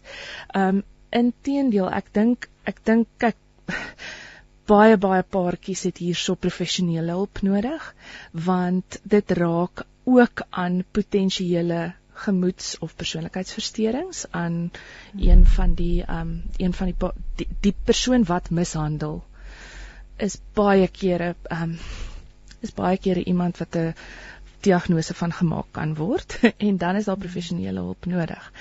Um maar ek sou sê moenie dit net vat nie want mishandeling net soos is is basies boelie en dit gebeur onder die radar waar ander mense dit nie sien nie. En baie kere is hierdie persone wat so boelie is manipulerend en baie charmant. So in 'n sosiale konteks sal mense dink, "My jog, hy's so wonderlike ou." So dit gebeur in die geheim. En net soos wat Alette nou-nou ook gesê het met kinders, sê jy nie jy stout nie, maar dit wat jy gedoen het is hmm. onaanvaarbaar. En ek dink dit is baie belangrik om jou eie stem te ontdek en te sê ek het nie respek vir die manier waarop jy op my met my praat nie. En as dit aangaan om professionele hulp in te roep en 'n mens kan 'n ultimatum stel vir jou man en sê jy gaan saam met my nou iemand hmm. sien want ons het 'n probleem nie jy het 'n probleem nie, ons het 'n probleem want die manier waarop jy met my praat is besig om ons huwelik hmm. op 'n baie negatiewe manier um te te beïnvloed. Ag en 'n mens weet tog wat is fout, nê. Nee. Mm, jy kan die gevaarligte sien flikker mm. en dan om dit nie aan te spreek nie, rig soveel meer skade op die lang termyn. Presies, en weet jy Christine, as as ons net daar kan noem, um dat wanneer daar ook kinders in die huis is, Hulle kyk, hulle sien, hulle hoor. Met ander woorde, hulle as ma nie opstaan nie, in hierdie geval ma. Ehm um, skep dit die indruk by die kinders dat die pa kan maar praat met die ma net soos wat hy wil en die ma het nie 'n ruggraat om vir haarself op te staan nie en terug te beklei nie. So dit kan ook net direk gebeur dat as daar die kinders kan later so met die ma Absoluut. praat. Absoluut. Absoluut. Want hulle verloor ook hulle respek vir die ma. Dis presies dit. Soveel faktore wat mense in gedagte moet hou, nie. Vreeslik baie. Weereens daai verantwoordelikheid wat ons het as ouers, baie moeilik. Een visie, een stem, een boodskap. Radiokansel 657 AM en 729 Kaapse Kansel maak impak op lewens van Gauteng tot in die Kaap. Jy luister aan met hart en siel. Ek is Christine Ferreira by my in die ateljee kuier sielkundige Dr. Truida Botha. Ons gesels oor die huwelik vanoggend. Truida, jy het genoem dat ontrouheid hmm. um, 'n groot probleem is en jy sien dit baie in jou praktyk. Mm. En ek wil graag hê ons moet 'n bietjie daaroor gesels want dit dit kan 'n huwelik absoluut breek. Mm. En ek wil sommer so dit, ons het in die breek gesê as liewe luisteraar as jy 'n vraag aan Truida het as ehm um, dit te maak het met jou huwelik en en jy wil graag ietsie vra, jy kan anoniem bly. Jy's baie welkom om vir ons 'n WhatsApp te stuur en Truida sal graag vir jou mm. antwoord sover sy kan. maar ontrouheid. Ehm um, ek het gehoor by iemand dat veral nou in hierdie tyd van COVID het dit so vreeslik op die lappe gekom want mm jy sit in jou huis mense daar was dit het op die lappe gekom dat mense ontrou is meer as van mm. tevore wat wat wat is jou belewenis mm. vanuit jou praktyk beslis baie meer op die lappe gekom omdat ek dink ons ons wel eerstens ons almal in inperking geforseer was om weer net in ons ons ons huis te wees. Mm. So jy het nie 'n vryheid gehad van um ry werk toe en afsprake en dinge twee lewens ja, ja, twee ja, lewens ja. te te kan in in stand hou of aan die gang hou nie. Um maar ja, so dit is 'n groot realiteit en dit bring ontsaglik baie seer, Christine. Um en die ek dink dit is 'n ontsettende moeilike verwerping vir ons as mense. 'n verskriklike moeilike emosie om mee want dit is die persoon wat jy die meeste vertrou in jou hele lewe wat dan dis presies en gevoelens rondom dit van ehm um, ek is nie goed genoeg nie. Ehm um, daar is iemand wat iets beter as ek is of kan doen ensovoorts die die die gras is groener aan die ander kant.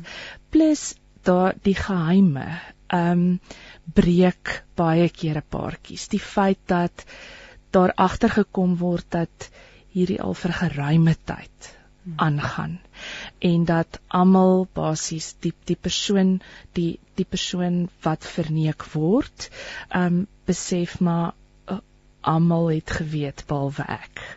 Ehm um, so daar is soveel wat rondom dit gaan en ek wil eerstens uit die staanspoor uit sê Ja, ontrouheid kan 'n huwelik breek, maar ontrouheid kan ook 'n huwelik 'n het het die potensiaal om nie noodwendig huwelik te breek nie met baie harde werk, baie genesing. Die Here se genade, vergifnis kan paartjies daardeur werk. Wat ek net baie vind in terapie is dat die persoon wat ontrou was, in baie opsigte nie bereid is om vir terapie te gaan nie. Dat daardie persoon sê ek trek die prop uit op hierdie huwelik en ek is ek is uit. Ehm um, en dan is dit baie moeilik want as as een party nie bereid is om te werk aan wat ook al fout is in die huwelik nie dan kan 'n mens 'n mens kan nie 'n huwelik red met net een lewensmaat. Dit is nog baie interessant. So dis nie die een wat seer gekry is wat mm. sê ek ek loop weg nie. Mm. Dis die persoon wat die wat ja. ontrou was. Ja. Uit, en dan kies hulle om dan na die ander persoon toe maar ja. te gaan en en so ja. dit is ten spyte van maar jare se geskiedenis. Die lelike ding van ons tyd ja. is dat baie kere is dit nie net een gesin wat hier skade ly nie. Ja. Dis twee gesinne. En ehm um, dit kan dit kan dit kan getroude huweliksmaats wees in twee gesinne wat met mekaar 'n verhouding het. Hmm. En wat ek baie kere sien, is dat daardie paartjies met met wat die ontroue 'n affair gehad het, nie op die ou en trou nie. Hmm. Dat hulle op die ou en dat daai verhouding op die ou en nie werk nie. Dit is gebaseer op wantroue. Dit is gebaseer op wantroue en leuns en en um en 'n geheime lewe. As iemand luister ver oggend en mm. dink ek te vermoede my mm. maat is ontrou aan my. Mm. Wat is die wat is die en dan sal mense seker ook dink, "O, oh, as ek nou paranoïes, verbeel ek my." Wat is mm. die waarskuwingstekens dat mm. iets nie reg is nie? Ek ek dink die eerste ding wat wat so 'n persoon begin leef is paranoia. Ehm um, is ongelooflike angs. Ehm um, dit kan baie lelik raak want uh, okay, kom ons kom ons kom ons praat oor tekens. Wat ons gewoonlik sien is dat daar 'n vreeslike geheimsinnige houding um is by jou lewensmaat. Dat die foon oral saamgaan. Badkamer toe op die bedkassie die die die die pinkode om in te kom in die foon word verander. Um daar's geheimsinnige gedrag. Um en en en ontvlugtende gedrag. Ehm um, en dan kan daar ook wees dat dat eh, goed wat mense gewoonlik saam gedoen het, uh soos 'n date night of familieaande, ewe skielik is daar verskonings van werk of ek moet later werk ensovoort. So dit is 'n dis 'n dis 'n aardige situasie om in te wees. Ek dink die eerste ding wat wat man of vrou moet doen is om jou intuïsie te vertrou. Jy ken jou lewensmaat en jy weet wat as normaal gesien is in die verlede. Jy weet wat het verander. Um hier weet kan, is daar nie 'n 'n resep of iets nie. Elke huishouding verskil en elke elke paar se verhouding verskil. Maar as jy merkwaardige verskille begin beleef en veranderinge begin beleef tussen julle twee in die kommunikasie en miskien bietjie geïrriteerde gedrag, um uh, vinnig vlambaar, daai tipe van ding. Uh, uh, is daar 'n kans dat jou intuïsie kan reg wees. Die kans is nie noodwendig dat jou maat ontrou is nie, die kans kan ook wees dat jou maat ongelukkig is in huwelik. Hmm. En dat hy of sy um, net voel, "Ja, ons het nou gestagneer." En jy weet ons het niks om meer vir mekaar te sê nie, ons het niks wat opwindend is nie. Kinders vat al die tyd, et cetera. Ehm um, ons het nou nou gepraat oor moeilike gesprekke hê met mekaar. En ek dink hierdie is een is is een van daai dinge wat eh, sonder om nou 'n privaat speurder aan te stel of sy hmm. foon te begin check en regtig paranoïes te raak. Is dit belangrik ek sê altyd vat jou man op 'n date, moenie by die huis wees nie, gaan kies 'n neutrale plek, 'n restaurant en sê ek voel daar's 'n afstand tussen ons twee want ontrouheid gebeur vanaf 'n plek van ongelukkigheid. Iets iets is nie meer pleis in huwelik nie. Of dit nou is dat ons nie meer seks het nie en of dit is dat ons nie meer kan kommunikeer nie, of dit is dat jou vrou het ongelukkig nou 30 kg opgetel want ons het in vitro behandelings gedoen en sy is nie meer vir my aantreklik nie, maar iets is nie meer pleis nie. Iets is nie meer lekker nie. En dit dryf iemand baie maklik in die arms van iemand anders in want iemand sê vir jou net, "Ja, maar jy het nou 'n mooi das hmm. aan vandag." Of hmm. dit gebeur baie maklik in mooi pakkies. Dit is hoe die vyand werk. Maar dit, weet jy, Truida, soos jy nou praat, onderstreep dit net vir my weer eens die belangrikheid daarvan dat jy nou jou huwelik moet omsien dat Absoluut. jy dit nie as vanselfsprekend moet aanvaar nie. Absoluut. Dis 'n doelbewuste besluit, Christine. Elke liewe oggend moet dit 'n besluit wees om te sê ek sit ek commit ek besluit weer, ek kies jou weer. Al is jy ver van perfek af, al is ek ver van perfek af, al um, is ek 40 kg swaarder as wat ek in my trourok was. Ek kies jou want ons is dieselfde mense as wat ons was. Die lewe het gebeur, maar ons moet onsself herdefinieer. Ons moet ons as 'n as 'n huwelikspaar herdefinieer. En en dit beteken dat mens moeite moet doen met hmm. Jy moet gaan op op op afspraakies, jy moet date nights doen. Jy moet alleen weggaan sonder die kinders. Jy moet ehm um, jy weet mens moet doelbewus besluit ons moet kommunikeer. Ons iemand ja. het eendag gesê dis so een iets so eenvoudig soos as jou man by die werk kom as hy nou weer terug kantoor toe is, ja. staan op, gaan ontmoet hom ja. by die voordeur. Presies. Presies. Soen groet mekaar. Jy weet ja ek dink in hierdie tyd van die pandemie het ons so apaties oor baie goed geraak. Jy's reg. Jy's 100% reg. En nou is jou man maar die hele tyd daar, jou vrou is die hele tyd daar. Die, alles is half mm. almal is bietjie apaties. So ons moet mm. absoluut hernieude poging aanwend om ja. want jy wil jou huwelik bewaar. Jy wil mekaar respekteer en koester. Absoluut. Absoluut. Ek wil nou vir jou vra oor en dis weer terug by die ontrouheid en so jy sien die tekens raak, daar is raad. Gaan soek hulp. As jy dan na ja. hierdie gesprek ja, ryk uit, gaan soek hulp, sou jy sê. Absoluut. Dit hoef nie te beteken dat die huwelik op die rotse is nie. Dit gaan beteken dat daar verskriklik baie seer is. Um en dit 'n baie moeilike tyd en 'n moeilike pad gaan wees na herstel. Maar ons aanbid 'n God wat almagtig is. Ja. En hy is die God wat wat wat siekte gaan kan genees, hy kan wonderwerke doen. En ek het al wonderwerke sien gebeur in paartjies waar daar diep seer gekry is. Um en waar hulle dit gebruik as as as die die wegspringpunt van 'n 'n nuwe seisoen vir hulle. Um ensovoorts so ek dink kry hulp gaan sien 'n sielkundige of 'n mediator, iemand wat net riglyne kan gee, kan help. Ehm um, wat baie belangrik is wanneer ons praat oor huwelike is ehm um, individuele terapie kan nie 'n huwelik help nie. Albei moet betrokke Albei wees. moet betrokke wees. So wanneer ek iemand apart sien, dan sal ek sê jy's my kliënt. Die huwelik kan nie my kliënt wees nie. Maar in dieselfde asem wil ek sê, dis belangrik dat twee heel mense in die huwelik in in huweliksterapie intree. So individuele terapie gaan beslis nodig wees vir die persoon wat wat aan die ontvangkant gesit het van die affair vir die een wat ontrou was ook. Aparte terapie. Ehm um, want jou maat gaan jou nie gelukkig maak nie. Het ons dit nou gesien. Ehm um, jy moet vrede in jouself gaan vind en weer gaan vind wie is ek? Ja.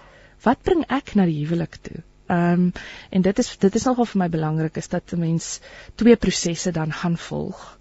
Ehm um, een van myself restoreer en deur die pyn daarvan werk en dan die tweede ding is dat ons dat ons huwelik probeer red. Hmm. Ek sê altyd en dit kom nou weer neer by skei ons of skei ons nie. Maar wanneer 'n mens die dag op die op die punt kom waar jy besluit ons gaan skei, moet albei partye kan sê ons het alles ons het alles gedoen. Ja. Ons het alles gedoen vir onsself en vir ons kinders. Ja. Ehm um, baie baie belangrik. Ek het ons uh, program geopen met skrif uit Markus uit wat sê ehm um, as 'n man en 'n vrou trou, gaan hy van sy ouers af weg en bly saam met sy vrou en hulle twee staan soos een mens. Skoonouers. Mm. Kom ons praat daaroor en en en hoe ons dit moet bestuur sodat dit nie dit kan 'n baie positiewe ding in ons lewe wees, maar ook 'n baie negatiewe ding. Ons Mm. mens hoor tog maar baie daarvan. Ja, en dit die ou kan baie- grappies nie dinge wat mense nou maar maak en so aan, maar Ja. hoe kom ons praat 'n bietjie oor die die die die rol en die invloed van van skoonouers op Mm. op jou huwelik, veral Mm. op 'n jong huwelik dalk of 'n nuwe huwelik. Ja, absoluut. Ek dink dis iets wat ons nie kan ignoreer nie, want die oomblik wat jy ehm um, wat julle trou, man en vrou, is dit eintlik twee families wat ook nou saam in die huwelik intree. Partykeer is dit geskeide as as die man uit 'n geskeide huis uitkom, is dit dan drie families wat wat ehm um, wat integreer met mekaar se lewens. So dis iets wat ons nie kan ignoreer nie. Ek sê altyd jou jou skoonma gaan nie al gaan, nie in alle omstandighede gaan sy jou ma kan wees nie. Daar mense dit mos maar een ma, regte regte ma. Ehm um, maar dit is belangrik vir jou en jou man om wel baie genade en respek en geduld te hê met die ander familie. Ek sê bloot net het, selfs as as as jy 'n ouer word en daar's kleinkinders. Jy het daai ondersteuningssisteem baie nodig. Hmm. En dis baie belangrik vir ons kinders om gesonde verhoudings te hê met albei stelle oupas en oumas. Dis 'n voorreg. En dit is iets wat wat dis dis dis 'n geskenk wat ons vir ons kinders gee. So ons kan kies hoe moeilik of maklik ons dit vir onsself gaan maak om om daai verhoudings in stand te hou. Partykeer is dit pligpleging my woordjie vir die dag. maar ehm um, en dan doen 'n mens dit en jy jy maak die beste van die kort kuier wat 'n mens het. Ehm um, maar dit is belangrik vir jou, jou lewensmaat en vir die kinders. Ehm um, en dit beteken dit beteken nie jy vervang jou ouers nie. Kom ons wees nou eerlik daaroor, maar in party opsigte is 'n mens so geseën dat jy eintlik twee behoorlike stelle ouers het met wie 'n mens vreeslik goed oor die weg kom. En as jy self die skoon ma of pa is, Mm. mm. natuurlik. Oeh, Dis ook 'n uitdaging. Dis 'n groot sien, uitdaging. Soos hierdie uh, soos Anna wat vir ons sy kan sien dinge is mm. en Mm. dis vaars erg. mm, So eh, dis nou 'n ekstreme geval, maar dan wat Mhm. wat moet jy vir jouself, wat is half die reëls wat jy vir jouself moet neerlê as die Mhm. skoonouer binne hierdie huwelik? ek dink is veral dis dis veral uitdagend vir 'n skoon 'n skoon ma van jou seun Ja. se vrou.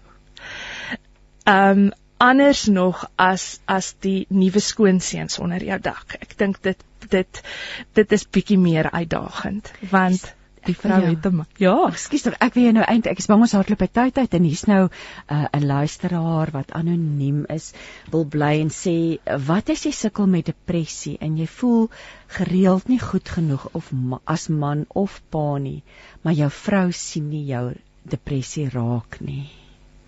Uh, en sê en as jy ietsie sê, sal selfs vir jou sê jy moet net oor dit kom. O, Aina. Hierdie is baie geldige. Hier's geldige baie vraag. geldig. Hier is baie geldig want ehm um, depressie is is soos die dief in die nag. Ehm um, en hy oorval 'n mens en hy hy strem 'n mens. Uh hy laat mens ook onwaarhede glo van jouself dat jy nie goed genoeg is nie. ja. Ehm um, en en en selfvertroue en selfbeeld, alles alles tas depressie aan.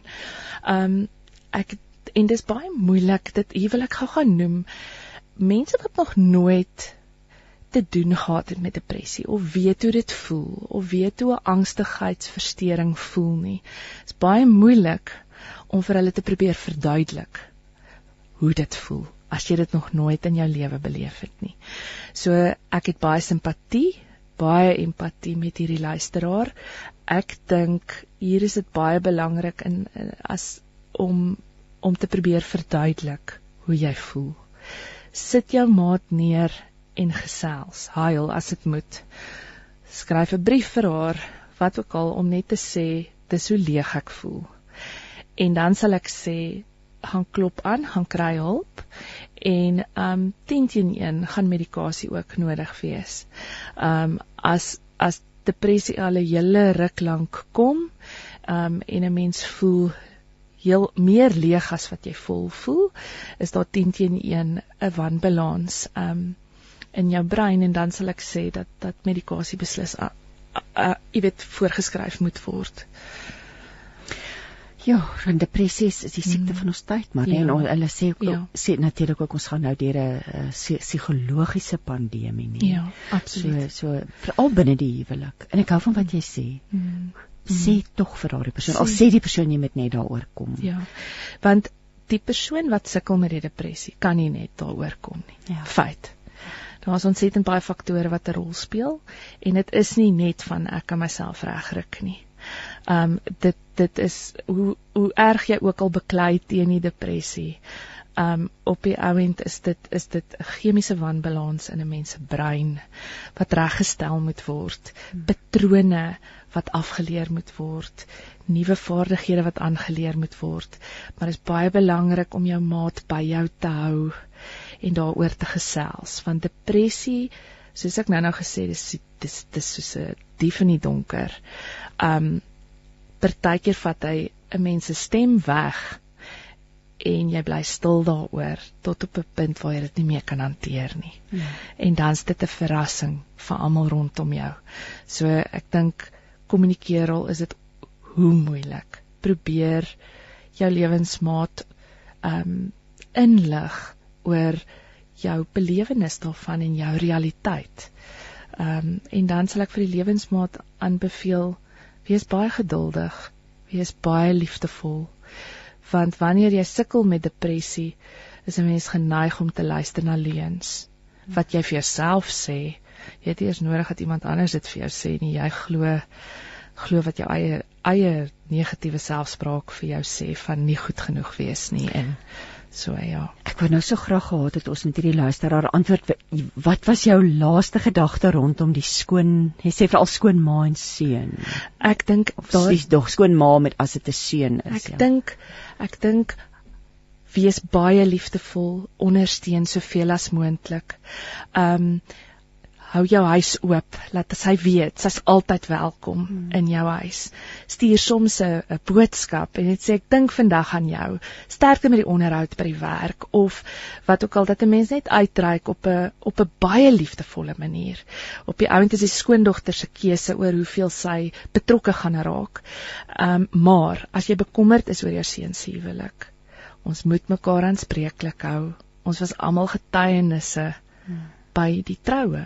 En dan is dit belangrik om oop en moeilike gesprekke met jou seun te hê en te vra of hy oukei okay is. Um ensovoorts sonder om om te veroordeel of wat ook al, maar om te sê ons huis is 'n veilige plek. Dis 'n veilige hawe. Julle is welkom hier en ons sal altyd altyd ondersteun, maak nie saak wat nie. Jy herinner ons aan iets so belangrik nou en dieselfde geld vir die doop van van 'n kleintjie of die toewyding mm, van 'n baba. Absoluut. Ons is almal getuies, so ons Ja. jo, mens vergeet dit partykeer. Mens vergeet dit en dis 'n groot verantwoordelikheid. Ek sien ons nog so 'n paar minute oor Tryda. Ek wil praat en dis ook iets wat Heinz en Aletta in hulle boek na verwys en waarby ons nie uitgekom het nie is Mm. geld sake binne die huwelik want Mm. dit is ook 'n bron van Mm. frustrasie soms en konflik. Ja. Watse raad het jy aan paartjies as dit kom by geld sake in die huwelik? Mm, ek dink ehm um, dit is jy's 100% reg.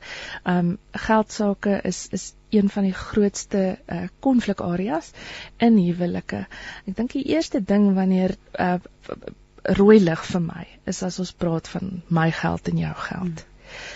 In die huwelik moet ons praat van ons geld. Ek dink dit is vir my verskriklik belangrik en daarmee sê ek nie dat al albei ehm um, maats nie hulle eie eie rekening ook het nie. Ek is ek is 'n vrou en ek hou van my leksiede goedjies en my naels en so en ek het my eie rekening waaruit ek dit betaal, maar oor die algemeen al die geld wat ons maak en wat ons spaar is ons geld. Hmm. Ek dink ook, ehm um, dit is baie belangrik om in vandag se tyd ook, ehm um, mense werk verloor ensovoorts, dis 'n realiteit om eenmal 'n maand te sit en ons boeke te doen en te sê wat gaan aan. Albei moet ingelig wees. Partykeer kry ons die, ons dit is baie keer dat die man die finansies oorneem en die man doen alles maar die vrou het nie 'n klou Hmm. waarin ons belê of waar ons polisse is of het ons spaargeld of so nie en ek ek glo vas dat 'n mens as 'n span as as letterlik as vennote hmm. moet ingaan en sê wat het ons hierdie maand. Ehm um, en wat verwag ons van jou as 'n inkomste en hoe gaan ons dit spandeer? Ehm um, ons byvoorbeeld moet ook besluit uh, ons tiendes, hoe spandeer ons dit? Ehm um, uit albei van ons wat werkend is, uh waaraan waaraan gee ons dit? Ehm um, ek dink spanmaats wees. Kommunikasie, nê? Weer eens, ja. terug by daai boustene. Absoluut. Tryda, waar kan mense jou in die hande kry? Die oggend vlieg so verby. Ek sien dit is al 5 voor 11. Dit was so lekker om Ag, saam te kuier. Baie heerlik dankie. geweest. Ek wil vir jou vra en dis mense wat dalk nou nie want baie mense wil nie noodwendig 'n vraag oor die lig vra Mm. of iets nie, Mm. maar as mense met jou wil kontak maak, Ehm um, julle is baie welkom om vir my 'n WhatsApp of 'n SMS te stuur na 082 045 8043 082 045 8043 of alternatiefelik na my um, e-posadres wat my voornaam is Truida T R U I D A B vir Botha .psych p s i c h @gmail.com daai PSICH maak mense altyd die mekaar se moeilike ene ek weet. Tryda. Jo, so so net so ge, gedagte ter afsluiting. Geniet mekaar. Geniet mekaar. Ons weet nie hoe lank ons saam het nie. Ja. Ons weet nie en moenie moenie dinge van selfsprekend aanvaar nie en ek dink as 'n mens daai belofte vir mekaar gemaak het om te trou dan beteken dit ook ons kan ongemaklik by mekaar wees en jy kan jouself jy kan jouself maar blootstel Hmm. en en so aan mag geniet mekaar. Dis baie baie kosbaar om dit Mhm. net daai manier daarna te kyk. Mm, Ons weet nie hoe lank dit ons nog by mekaar nie. nee. Ons gaan nou afsluit met 'n voorlesing deur Melanie Vosloo uit haar boek Krag vir elke dag. Ek sê dankie vir Paul manne vir die tegniese versorging. Ag en liewe luisteraar, ons kuier weer volgende week, volgende Dinsdagoggend saam hierop met hart en siel. Totsiens en seën vir jou. Radio Bruisend van Lewe. Ja, dis 657 Radio Kansel en 729 Kaapse Kansel. Baba treetjies is meer as goed genoeg. Het jy ook al na ander gelowiges gekyk, gelees wat hulle skryf of gehoor hoe goed hulle praat en dan gedink ek sal dit nooit kan wees nie. My geloof is nog so klein. Ek is self so beperk in wat ek is en wat ek kan doen. As jy so dink, weet God verwag nie van jou om groot dinge te doen nie. Jy hoef net binne wie jy is een baba tree op beslag te gee. En as jy in kontak met die Gees is, sal jy weet dat daardie klein treetjies is. Jy sal weet wat dit is, wat dit moet wees. Dis dalk eenvoudige dinge soos om te probeer om minder ongeduldig te wees, om op te hou om sleg van ander te praat. Dinge soos om dalk vriendeliker en meer behulpsaam te wees of om dalk net te probeer om meer gereeld in stilte by God te gaan sit. Geloof is klein baba treetjies. Dis daar in jou alleen tyd met die gees van sy woord wat jy sal hoor. Volg maar net die Here jou God en eer hom. Luister na sy stem en hou vas aan hom. En gaan gee dan een baba treetjie op 'n slag.